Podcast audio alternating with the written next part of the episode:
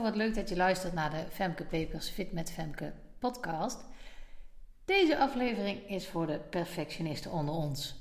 En uh, ik ben er daar zelf een van, dus uh, ik kan er goed over meepraten, om het zo maar te zeggen. Voor we dat gaan doen, ga ik eerst even naar een hoogtepunt van mij. Ik heb de afgelopen week een belangrijke, voor mij belangrijke beslissing gemaakt en dat was een beslissing die ging over het loslaten van iemand. Uh, iemand waar ik erg, echt wel om gaf, maar van ik merkte, ja, diegene die, die kost me meer energie dan uh, dat die oplevert. En dat is even niet erg uh, in relaties, of dat nou vriendschappen zijn, of met collega's, of in. Um, ja, echt, echt relaties, zeg maar. Dat maakt op zich niks uit. Maar wanneer iemand je meer energie gaat kosten dan dat het oplevert, dan wordt het tijd om daar afscheid van te nemen.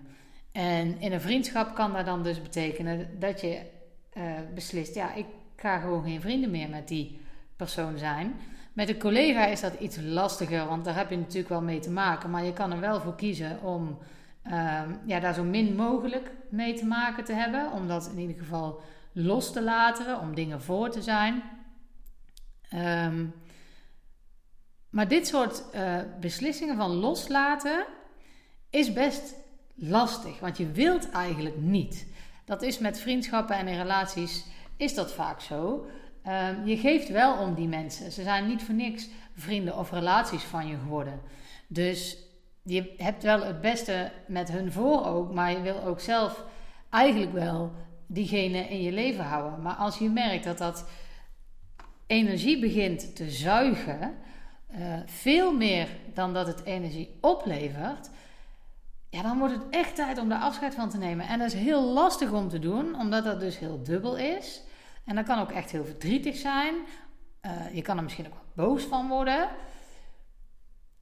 Maar ik heb gemerkt dat als je eenmaal die beslissing maakt, misschien zelfs wel samen, maar ook als je dat zelf doet, dat dat echt wel bevrijding geeft. En dan is het nog steeds lastig, maar het geeft ook bevrijding. En zo ging dat ook bij mij, want ik zag daar echt wel tegenop, want ik wist eigenlijk al weken van, nou god, dit gaat eigenlijk um, niet zoals ik wil, niet zoals ik er energie van krijg. En uh, dan werk je daar naartoe. En op het moment dat je dat dan doet, dan, ja, dan komt er echt, valt er echt een last van je schouders. Ik had dat ook, bedenk ik me nu, uh, lang geleden toen ik stopte met korfballen. Ik heb jaren gekorfbald. Ik heb jaren op het hoogste niveau gekorfbald. Alles moest wijken voor het korfballen. Korfballen was heel belangrijk voor mij. Um, als er bijvoorbeeld een familiedag was en ze zeiden tegen mij: Goh, Femke, kun je dan niet een keer een wedstrijd skippen? Ja, nee. Dat is gewoon geen optie. Ik ga daar twee, drie keer in de week voor trainen. Dan ga ik echt die wedstrijd niet skippen. Dat gaan we gewoon niet doen. Plus in een eerste team kan dat gewoon niet. Dat is hetzelfde als wanneer uh, de aanvoerder van Ajax zou zeggen: nee, ik moet iets met mijn familie doen. Nou weet ik wel dat hij ervoor betaald krijgt en ik met het korfballen niet. Maar het idee is hetzelfde. Dat gaat gewoon niet. Maar op een gegeven moment begon ik daar tegen aan te hikken. Ik uh, had ondertussen uh, Daan ook gekregen, mijn jongste. Dus ik had mijn twee kinderen en na die eh, bevalling en het herstellen zeg maar, daarvan ben ik toen weer gaan korfballen. Kwam ik ook wel weer in het eerste terecht. Maar ik merkte al steeds meer dat ik het lastiger vond om het op te brengen, om naar die trainingen te gaan. Om um, nou ja, alles wat daarbij hoorde eigenlijk. Ik merkte dat, dat, dat dat energie ging kosten. En uiteindelijk kostte me dat meer energie dan de lol die ik eraan beleefde. Um, dus op een gegeven moment dacht ik, ja, misschien moet ik dan maar stoppen met korfballen. Maar dat was heel ingewikkeld, want ja, daar heb ik jaren alles voor gelaten bijna. En daar ga je toch niet zomaar mee stoppen? Dus dat was echt wel een pittige beslissing. En op een gegeven moment dacht ik, ja, maar ik moet dit gewoon doen. En dat heb ik toen gedaan. En ik voelde me eigenlijk meteen bevrijd. Er kwam lucht, ik had ineens tijd. Ik zat niet meer vast aan iets. Ik, ik werd flexibeler. Heerlijk. En ik heb mijn sporten, heb ik echt wel gewoon opgepakt en op een andere manier. Toen ben ik gaan hardlopen. En dan bij de sportschool. En afijn, die beweging kreeg ik toch wel. Want dat vond ik wel heel lekker. Alleen ik had ervoor gekozen om dat te doen op tijden die ik zelf koos en niet op vastgezette tijden, wat natuurlijk in een team wel moet. En dat was echt een bevrijding. En zo ook dit nu. Het voelt echt als een bevrijding. Het voelt ook weer een beetje alsof ik mezelf terug heb. Niet dat ik mezelf kwijt was, maar ik zit gewoon weer lekkerder in mijn vel nu dat niet meer uh, aan me zuigt. Nu dat geen energie meer kost.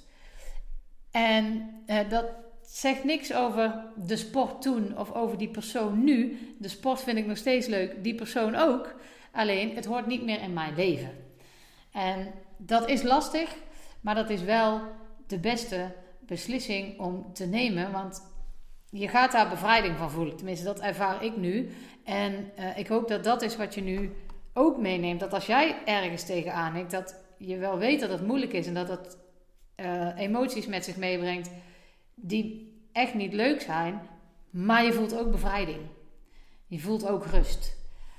En dat is, ja, dat kan ik iedereen aanraden om als je echt merkt, eigenlijk is het zo, hoe moeilijker de beslissing, hoe belangrijker om te nemen. Ja, nou laat hij maar even op je inwerken. Maar dat is wel zo. Hoe moeilijker de beslissing het is, is hoe belangrijk het is om die te nemen om een beslissing in ieder geval te nemen. Want dan zit er in ieder geval iets niet lekker, dus dan moet er iets gebeuren. Hoe moeilijker iets is, hoe belangrijker om daar iets mee te doen. Nou, mijn hoogtepunt is dat ik dus uiteindelijk op het punt ben gekomen om dat te doen en daar dus ook bevrijding en rust van ervaar. En dat is um, ja, heel prettig. Dat is gewoon heel fijn. Terug naar het perfectionisme. Ik merk uh, aan mezelf, aan mijn eigen traject als het ging om het afvallen jaren geleden, maar ook aan klanten uh, die ik nu heb, vrouwen waarmee ik nu werk, dat veel perfectionistisch zijn. En dat zit hem bijvoorbeeld in uh, afspraken die je met jezelf maakt, bijvoorbeeld doelen die je zelf stelt. Bijvoorbeeld, ik had net een gesprek met een vrouw waarmee ik werk en die zei: ja, Ik heb mezelf als doel gesteld om in ieder geval één stuk fruit per dag te eten en anderhalve liter water per dag te drinken prima doelen, zou je zeggen. Maar uh, wij perfectionisten, om het zo maar even te zeggen, als we dan niet aan dat stuk fruit komen, of niet aan die anderhalve liter, vinden we dat meteen een ding. Oh, maar dat was de bedoeling. En, en dan zit ons perfectionisme ons in de weg. Dus het is heel prettig. Diezelfde vrouw, die gaf ook aan: Goh, ik ben dan met jouw training bezig. En dan maak ik verslagjes van de video's die ik zie. En dan komt de structuur en de planning. En dan uh, heb ik overzicht. En, en ik moest lachen, want ik herken dat. Ik, ik ben ook zo. Uh, dat perfectionisme zit ook in mij. Het gevaar daar alleen van is, en dat gaf ik haar dus ook mee. Het gevaar daarvan is, is dat je daar te strak aan vasthoudt. Dat als het niet gaat zoals je eigenlijk had gepland, dat je dan meteen denkt: oh jee, het gaat niet helemaal goed. Oh jee, wat nu? Zie je wel, het lukt me niet. Of oh, ik moet het nog strenger gaan doen. Ik moet dit ergens anders inhalen. Dat is niet aan de orde. Dus perfectionisme kan je heel goed helpen, omdat het je echt helpt om je doelen zeg maar helder te hebben en daar een plannetje voor te maken. En daar is perfectionisme enorm fijn voor. Het helpt echt. Ook als collega is dat heel fijn, want als je een perfectionistische collega hebt en die zegt: Ik ga dit doen, ik zorg dat dat dan en dan klaar is, dan is dat ook zo. Daar kan je op bouwen. Dus het heeft absoluut wel voordelen als je perfectionistisch bent. Nadeel alleen is dat je niet snel tevreden bent. Dat je het niet snel goed genoeg vindt. Dat is wel iets wat ik in de jaren heb geleerd. Niet alleen rondom het afvallen, maar in alles. Goed is goed genoeg. Als ik een keer niet aan stofzuigen toegekomen ben, ja, jammer. Tenzij je er zelf last van hebt. Als je vervolgens de hele avond op de bank zit en je zit naar die kruimels te kijken en je denkt, oh help. Ja, dan kun je veel beter, veel beter gewoon even stofzuigen. Maar als je had bedacht om dat te doen en om een of andere reden komt daar de klad in en het lukt niet en je stelt het uit tot morgen, who cares? Goed is goed genoeg. Het is echt niet alsof je huis dan ineens een teringzooi is, om het zomaar even grof te zeggen. Dus je kan dat dan prima loslaten. Dat, dat, dat is niet erg. En ik zeg dat kan je prima loslaten, maar dat heb ik dus heel lang ook niet gekund. En pas toen ik dat leerde, pas toen ik met, die met dat perfectionistische van mij uh, daar de positieve dingen van ging gebruiken en de negatieve dat los ging laten, pas toen ging het afvallen ook pas echt veel beter. Pas toen uh, kon ik ook mijn eetpatroon af en toe loslaten als het dus niet precies ging zoals ik wilde.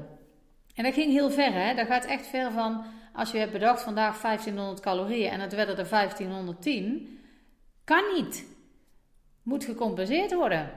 Maar als je op 1490 zit, ja, dan, dan, dan ben je daar natuurlijk wel blij van. Hé, hey, ik heb er nog 10 over. Maar het gevoel van die 10 meer is heftiger. Van, oh, ik heb er overheen. Oh, dat is niet de bedoeling. Is heftiger van die 10 eronder. Dat je denkt, nou, goed gedaan. En je gaat weer door. Dat is echt wat perfectionisme met je doet. Dat je daar zo strak van, ik mag daar niet overheen. Dat moet echt op die manier. Wie zegt dat dat moet? Dat is helemaal nergens voor nodig. En als je dat leert loslaten op alle gebieden, dan zul je merken dat het met afvallen ook beter gaat. Sta je niet blind op dat ene stuk fruit op een dag. Als dat je afspraak is, zoals met die vrouw die ik net aan de telefoon heb gehad, die vrouw waarmee ik werk. Laat dat los. Als het een dag niet gelukt is, geef jezelf dan niet op je donder van: Oh, nou ben ik toch dat stuk fruit gegeten. Wat stom. Ik had nog wel met mezelf afgesproken om dat te doen. Jeetje, als dit al niet lukt, ja, dan gaat al het andere waarschijnlijk ook niet lukken. Dat is het gevaar. En ik weet dat veel vrouwen dit nu zullen herkennen, wat ik net heb gezegd. Dit is herkenbaar. Laat het los, dan eet je morgen dat stuk fruit. Een dag geen fruit te eten. Who cares? Waar maakt het uit? Maak je niet zo druk. En ik weet dat het makkelijk gezegd is, maar zo is het wel. Je hoeft je daar niet zo druk over te maken. Als je maar op 1 liter water bent gekomen in plaats van anderhalf, ja, dus geen probleem.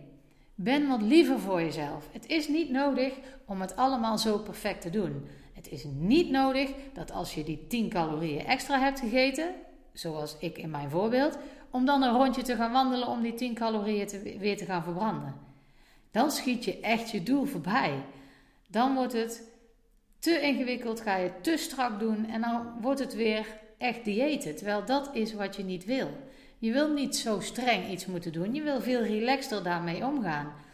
Dus als dat dan een keer gebeurt en je hebt dat stuk fruit niet gegeten, ga dan niet als je op bed ligt en dus bedenkt: ik heb dat stuk fruit niet gegeten, alsnog je bed uit om het stukje fruit te eten.